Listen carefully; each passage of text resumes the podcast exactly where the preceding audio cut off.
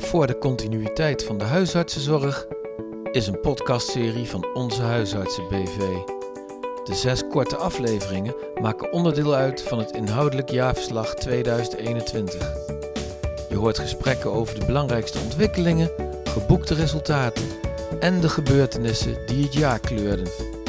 Steeds gericht op één doel: vanuit een sterke coöperatie bijdragen aan de continuïteit van de huisartsenzorg.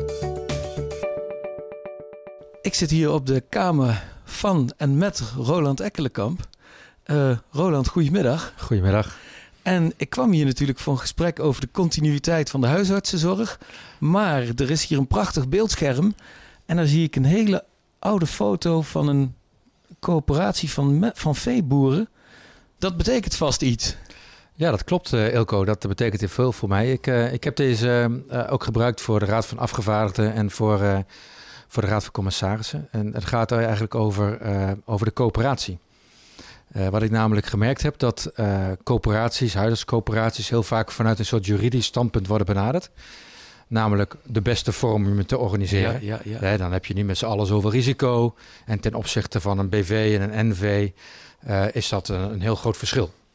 Uh, dat is natuurlijk wel heel aardig, maar uh, ik heb het eigenlijk meer over het gevoel van de coöperatie. Uh, want dat is denk ik heel erg belangrijk. Want in, in een coöperatie zit een heel stukje continuïteit. juridisch gezien staat het zelfs erin. Hè? Je gaat langdurige relaties met ja. elkaar aan. Hè? ook om te zorgen dat, je, dat die veeboeren alle stormen en, en, en alle mooie winters... en alle slechte winters en mooie zomers en oogseizoenen allemaal met elkaar overleven. Ja, precies. En, en het heeft een beetje met mijn achtergrond te maken, want mijn familie bestaat uit heel veel boeren. Uh, dus ik, dus, uh, ik, weet eigenlijk wel uh, wat een coöperatie is. En ik heb me toen ik tien jaar geleden in Huisland kwam... wel eens verwonderd over de hoeveelheid parallellen die ertussen zitten. Kijk je naar onze, onze coöperatie namelijk... dan moet je je voorstellen dat vroeger, toen, toen mijn oma nog, nog meisje was... toen maakte ze zelf melk. En die verkocht ze aan zichzelf, want we aten het zelf op. Ja. En aan de naaste omgeving, of het dorpje verderop of het gehuchtje verderop. En ze slachten eigen koeien en zo deed ze van allerlei uh, zaken. En ergens hebben we toen iets slims verzonnen. We dachten, we moeten een coöperatie maken. En waarom deden we dat? Nou, dan kunnen we toch onze melk op een wat andere manier uh, afzetten. En wat je toen zag is dat uh, ze gingen melk in een melkbus stoppen. Die zetten ze aan de kant ja. van de weg. En het leuke was, elke dag zet je dat neer. Dat werd opgehaald. En s'avonds kwam het weer, uh, weer ergens weer terug, of de volgende ochtend. En onder de eerste melkbus lag geld. En dan had je eigenlijk meteen beloning voor je ja. werk. En, en was nou de parallel daarmee met, met huiszorg, de ketenzorg hè, die wij doen, die is eigenlijk zo begonnen. Namelijk, je had eigenlijk een coöperatie nodig ja. om, om geld uh, te krijgen. Dus een flink gedeelte van de omzet van onze huisartsen, zo'n zeg maar 10, 15 procent, wordt ook door de coöperatie uh, onze huisartsen voor de, uh, gegenereerd voor, voor onze leden. Een ander iets leuks was, op een gegeven moment ontdekten we dat de kwaliteit van die melk, die konden we met z'n allen verhogen. Dus wat ze toen deden was, uh, hey, als het nou 30 graden is en ik heb weer verzuurde melk aan de kant ja. van de weg gezet, dat is natuurlijk niet handig, dan moet je melk weggooien. Dus toen kwam, op een gegeven moment hebben die boeren de melktank verzonnen met z'n allen. Dus dat was een, een tank, één keer per, we per week kom je dan nog maar langs heb je hoge kwaliteit. Tussentijd kun je ook kijken of je genoeg vet en dat, alles, ja. dat, dat soort dingen in je melk zitten. En daarmee konden die boeren eigenlijk zorgen dat ze samen voor betere kwaliteit stonden. En dat is wel grappig als je naar zo'n ketenzorgproduct kijkt van huisartsen. doen we eigenlijk hetzelfde. We hebben met z'n allen een NRG-norm en, en, en op die manier zijn we met elkaar bezig gegaan. Alleen er ontstond wel iets, dus namelijk waarom hebben we die coöperatie? Ik heb hier een plaatje, dat heet uh, ja. Coöperatie voor Melkproducten de Vrijheid. Want terwijl ze hiermee bezig waren, dachten die boeren natuurlijk wel, moet ik wel bij, baas blijven op eigen erf.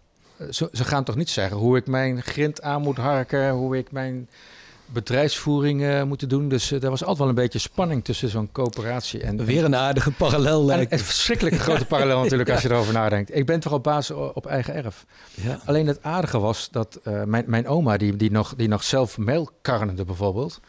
In één keer had ze heel veel tijd vrij, maar dat deed de fabriek nou. De fabriek ja. maakte kannenmelk. Dus wat zag je? Je zag eigenlijk, leefde je een stukje autonomie in... Maar je kreeg er ook meer voor terug. Want s'avonds kon mijn oma andere dingen gaan doen. Ja. Um, uh, en ook, ook meer aandacht hebben voor de familie natuurlijk die, uh, uh, die er was. Hè. Dus nou ja, dus een parallel nummer zoveel natuurlijk als je kijkt naar, naar zo'n melkfabriek. dus het aardige is, is dat die coöperatie zoals je kent, die, die drijft gewoon op continuïteit. Want dat is niet het enige. Als je, mijn, mijn oma zit in een buurtschap. En als ze ziek werd, dat betekende dat, dat een, een, boer verderop moest zorgen voor continuïteit. Ja. Dat betekende, nou, als je een week ziek bent, dan zorgen wij ervoor dat je koeien worden gemolken. Maar langer dan een week, dan moest je wel uh, naar de bedrijfsopvang uh, gaan denken. Nou, als je nu kijkt naar onze hagro's, exact hetzelfde. Als een huisarts ziek wordt, kan hij ondersteuning krijgen van zijn hagro. Ja. Tot een bepaalde periode. En daarna moet je toch ook weer zorgen dat je je eigen bedrijf uh, in de lucht houdt. En vroeger hadden we niet zo heel veel waarnemers in de veehouderij. Maar dat werd op een gegeven moment toch ook wat meer.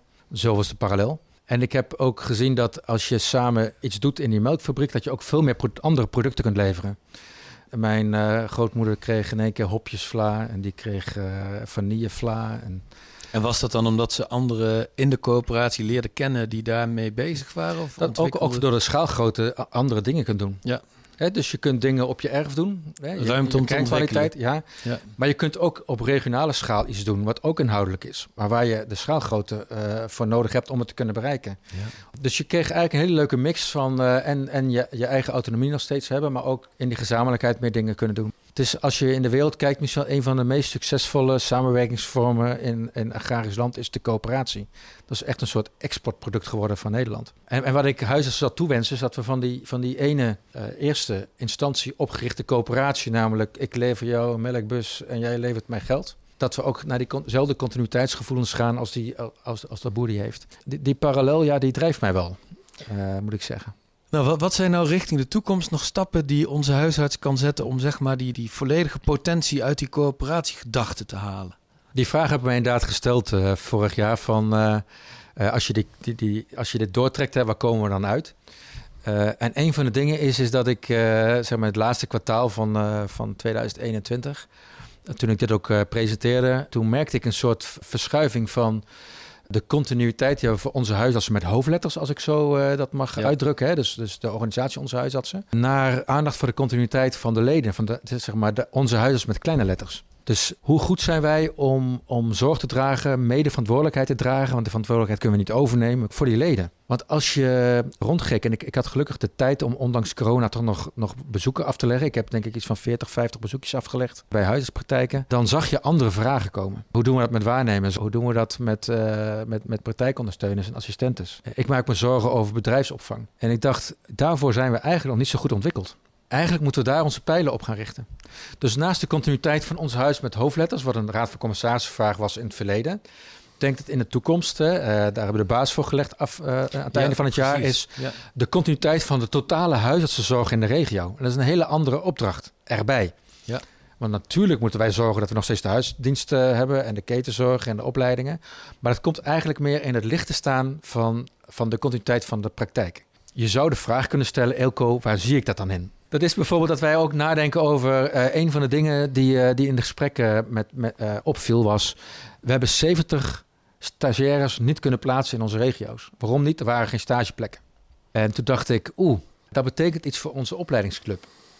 Dat betekent eigenlijk dat wij daarvoor zouden kunnen gaan zorgen dat het minder zwaar wordt om stagiaires op te gaan leiden in je praktijk. Waardoor die 70 mensen gewoon ja gaan zeggen. Of, Ja. of een plek krijgen eigenlijk. Precies. Bij de ROC's. En, en dat van die 70, meestal blijven er dan 20 over of zo voor, uh, voor huisartsen. En 50 gaan naar andere soorten instellingen. Maar dat we in ieder geval zorgen dat we het maximale halen uit ons potentieel. Ja. En dat betekent bijvoorbeeld uh, zij-instroomopleidingen. Daar moeten we over gaan nadenken. En dat betekent dat we dan moeten gaan nadenken over als we dan dingen lichter maken, dan betekent dat we misschien in het, in het curriculum moeten gaan zitten van zo'n opleiding. Dat betekent dat wij misschien wel een hele module moeten gaan, uh, uh, gaan maken met als je bij ons in de regio bij een van onze huisartsen komt, we hebben hier zeg maar twee uh, dominante informatiesystemen, dan, dan, moet je die twee systemen moet Ja. je eigenlijk begrijpen. Dus dat gaan we gewoon doen. De mate waarin je als uh, zelf investeert in zo'n stagiair, gaan we een stukje van overnemen. Uh, dus dat is, dat is één richting. De andere richting is natuurlijk hoe kunnen we ervoor zorgen dat uh, in de huisartsenzorg mensen iets meer willen werken dan een huidige parttime contract. Dus dat betekent dat we iets moeten gaan doen aan, aan hoe leuk is het werken aan, in de huisartsenzorg. Dus dat is ook een pijler waarmee we zeg maar, de eerste stappen hebben, hebben gezet.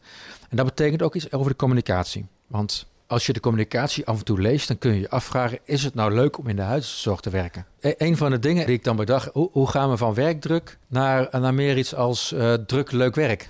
Ja, precies. Stel je voor dat als we met z'n allen die in de huiszorg werken aan de borreltafel uh, zouden zitten en we zouden allemaal zeggen: ik heb hartstikke leuk werk. Ik verveel me nooit. Het is altijd uh, dynamisch. Het is altijd dynamisch. Ja. Ik weet niet helemaal hoe mijn dag begon, maar als ik aan het eind van de dag de optelsom maak, dan heb ik leuk werk. Ja.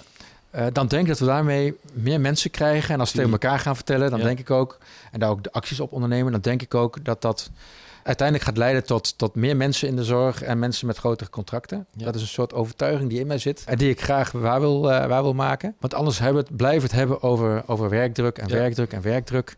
En dan, dan zien we ook in de pers, uh, we hebben geen opvolging. En het is heel erg druk en als, als, als praktijkhouders bijna niet meer te doen. Ja, daar krijg je geen nieuwe praktijkhouders van. Hoe zorgen we er eigenlijk voor dat we die trotse verhalen, het, het sprankelende van de huisartsenzorg... Want het is een, een, prachtige, uh, een prachtige sector, hè? Ik heb op het punt gestaan uh, voordat ik hier kwam om te denken... zal ik niet eens in een ziekenhuis kijken? En ik dacht, dat is toch mijn wereld niet. De eerste lijn is ja. de meest leuke lijn uh, om te werken in, in de zorg. De mate waarin je met, met kleine acties groot geluk kunt brengen... is in de eerste lijn helemaal geborgd. En, en hebben we de continu, continuïteit van zorg, wat zo hoog in het vaandel staat van een, van een huisarts, hè, dus, wat zichtbaar is in een huisartspost. Er zijn natuurlijk weinig organisaties te vinden waar, waarin uh, alle mensen die daar werken, zeg maar alle boeren, alle boerenhuisartsen, ervoor zorgen dat je 24 maal 7 gerustgesteld kunt worden over je gezondheid. Dat is op een andere manier vertellen dat het wel heel erg zwaar is, maar het is ook een trotsheid van het vak. Ja. Dus hoe, hoe zorgen dat die trotsheid de overhand gaat nemen en dat we ook gaan zorgen dat andere mensen zich ook gaan organiseren zoals wij. Dus we zorgen ervoor dat ons coöperatiemodel, waarin we zorg dragen voor de continuïteit, dat ook de wijkverpleging, die er trouwens hele grote stappen in zet, maar ook uh, onze GGZ-instellingen, dat die eigenlijk op eenzelfde manier die zorg beleven. Als we die positieve elementen ervan pakken, denk ik een heleboel dingen kunnen oplossen. Nou, we hebben het nu natuurlijk hè, uitgebreid gehad over de coöperatie en continuïteit. Zijn er nou na, naast continuïteit nog andere aspecten die, die van belang zijn als je het hebt over die coöperatiegedachte? Het eerste wat in mij opkomt is uh, voorspelbaarheid. Dat betekent eigenlijk dat als je, ondanks het feit dat iedereen zijn eigen erf heeft, in zijn buurtschap, waarbij het ene buurtschap een ander buurtschap is dan een ander, hè, dus Zevenaar ja, ja, ja, is geen Didam hè, uh, en is geen Arnhem, dat voor de buitenwereld er een bijzonder betrouwbaar uh, product uitkomt. De melk heeft eigenlijk wel een vrij constante kwaliteit. Juist door alles door elkaar te mixen in een hele regio krijg je betrouwbare kwaliteit. En ook die hopjesvlaar en die verscheidenheid die je kunt uh, organiseren. En die voorspelbaarheid is denk ik een beetje onderbelicht. Kijk je bijvoorbeeld naar ons probleem in de GGZ. Nou, stel je nou voor dat wij echt een heel voorspelbare partner zijn op het gebied van de GGZ. En wat doen wij precies in jeugd GGZ en oudere uh, GGZ?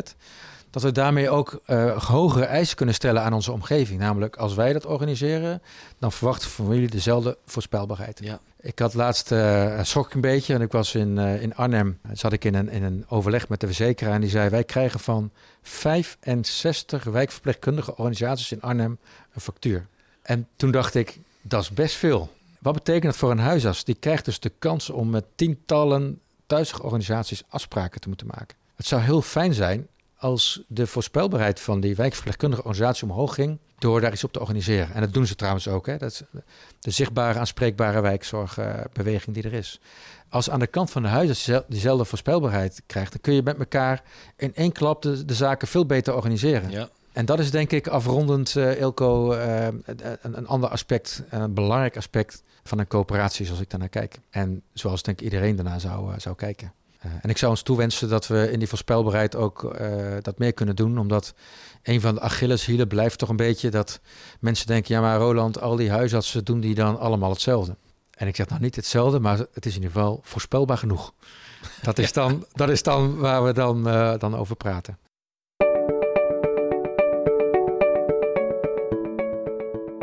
Je luisterde naar Voor de continuïteit van de huisartsenzorg een podcastserie van Onze Huisartsen BV.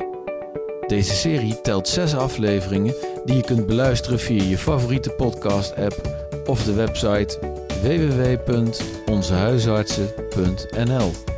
Daar vind je ook meer informatie over Onze Huisartsen BV. Bedankt voor het luisteren.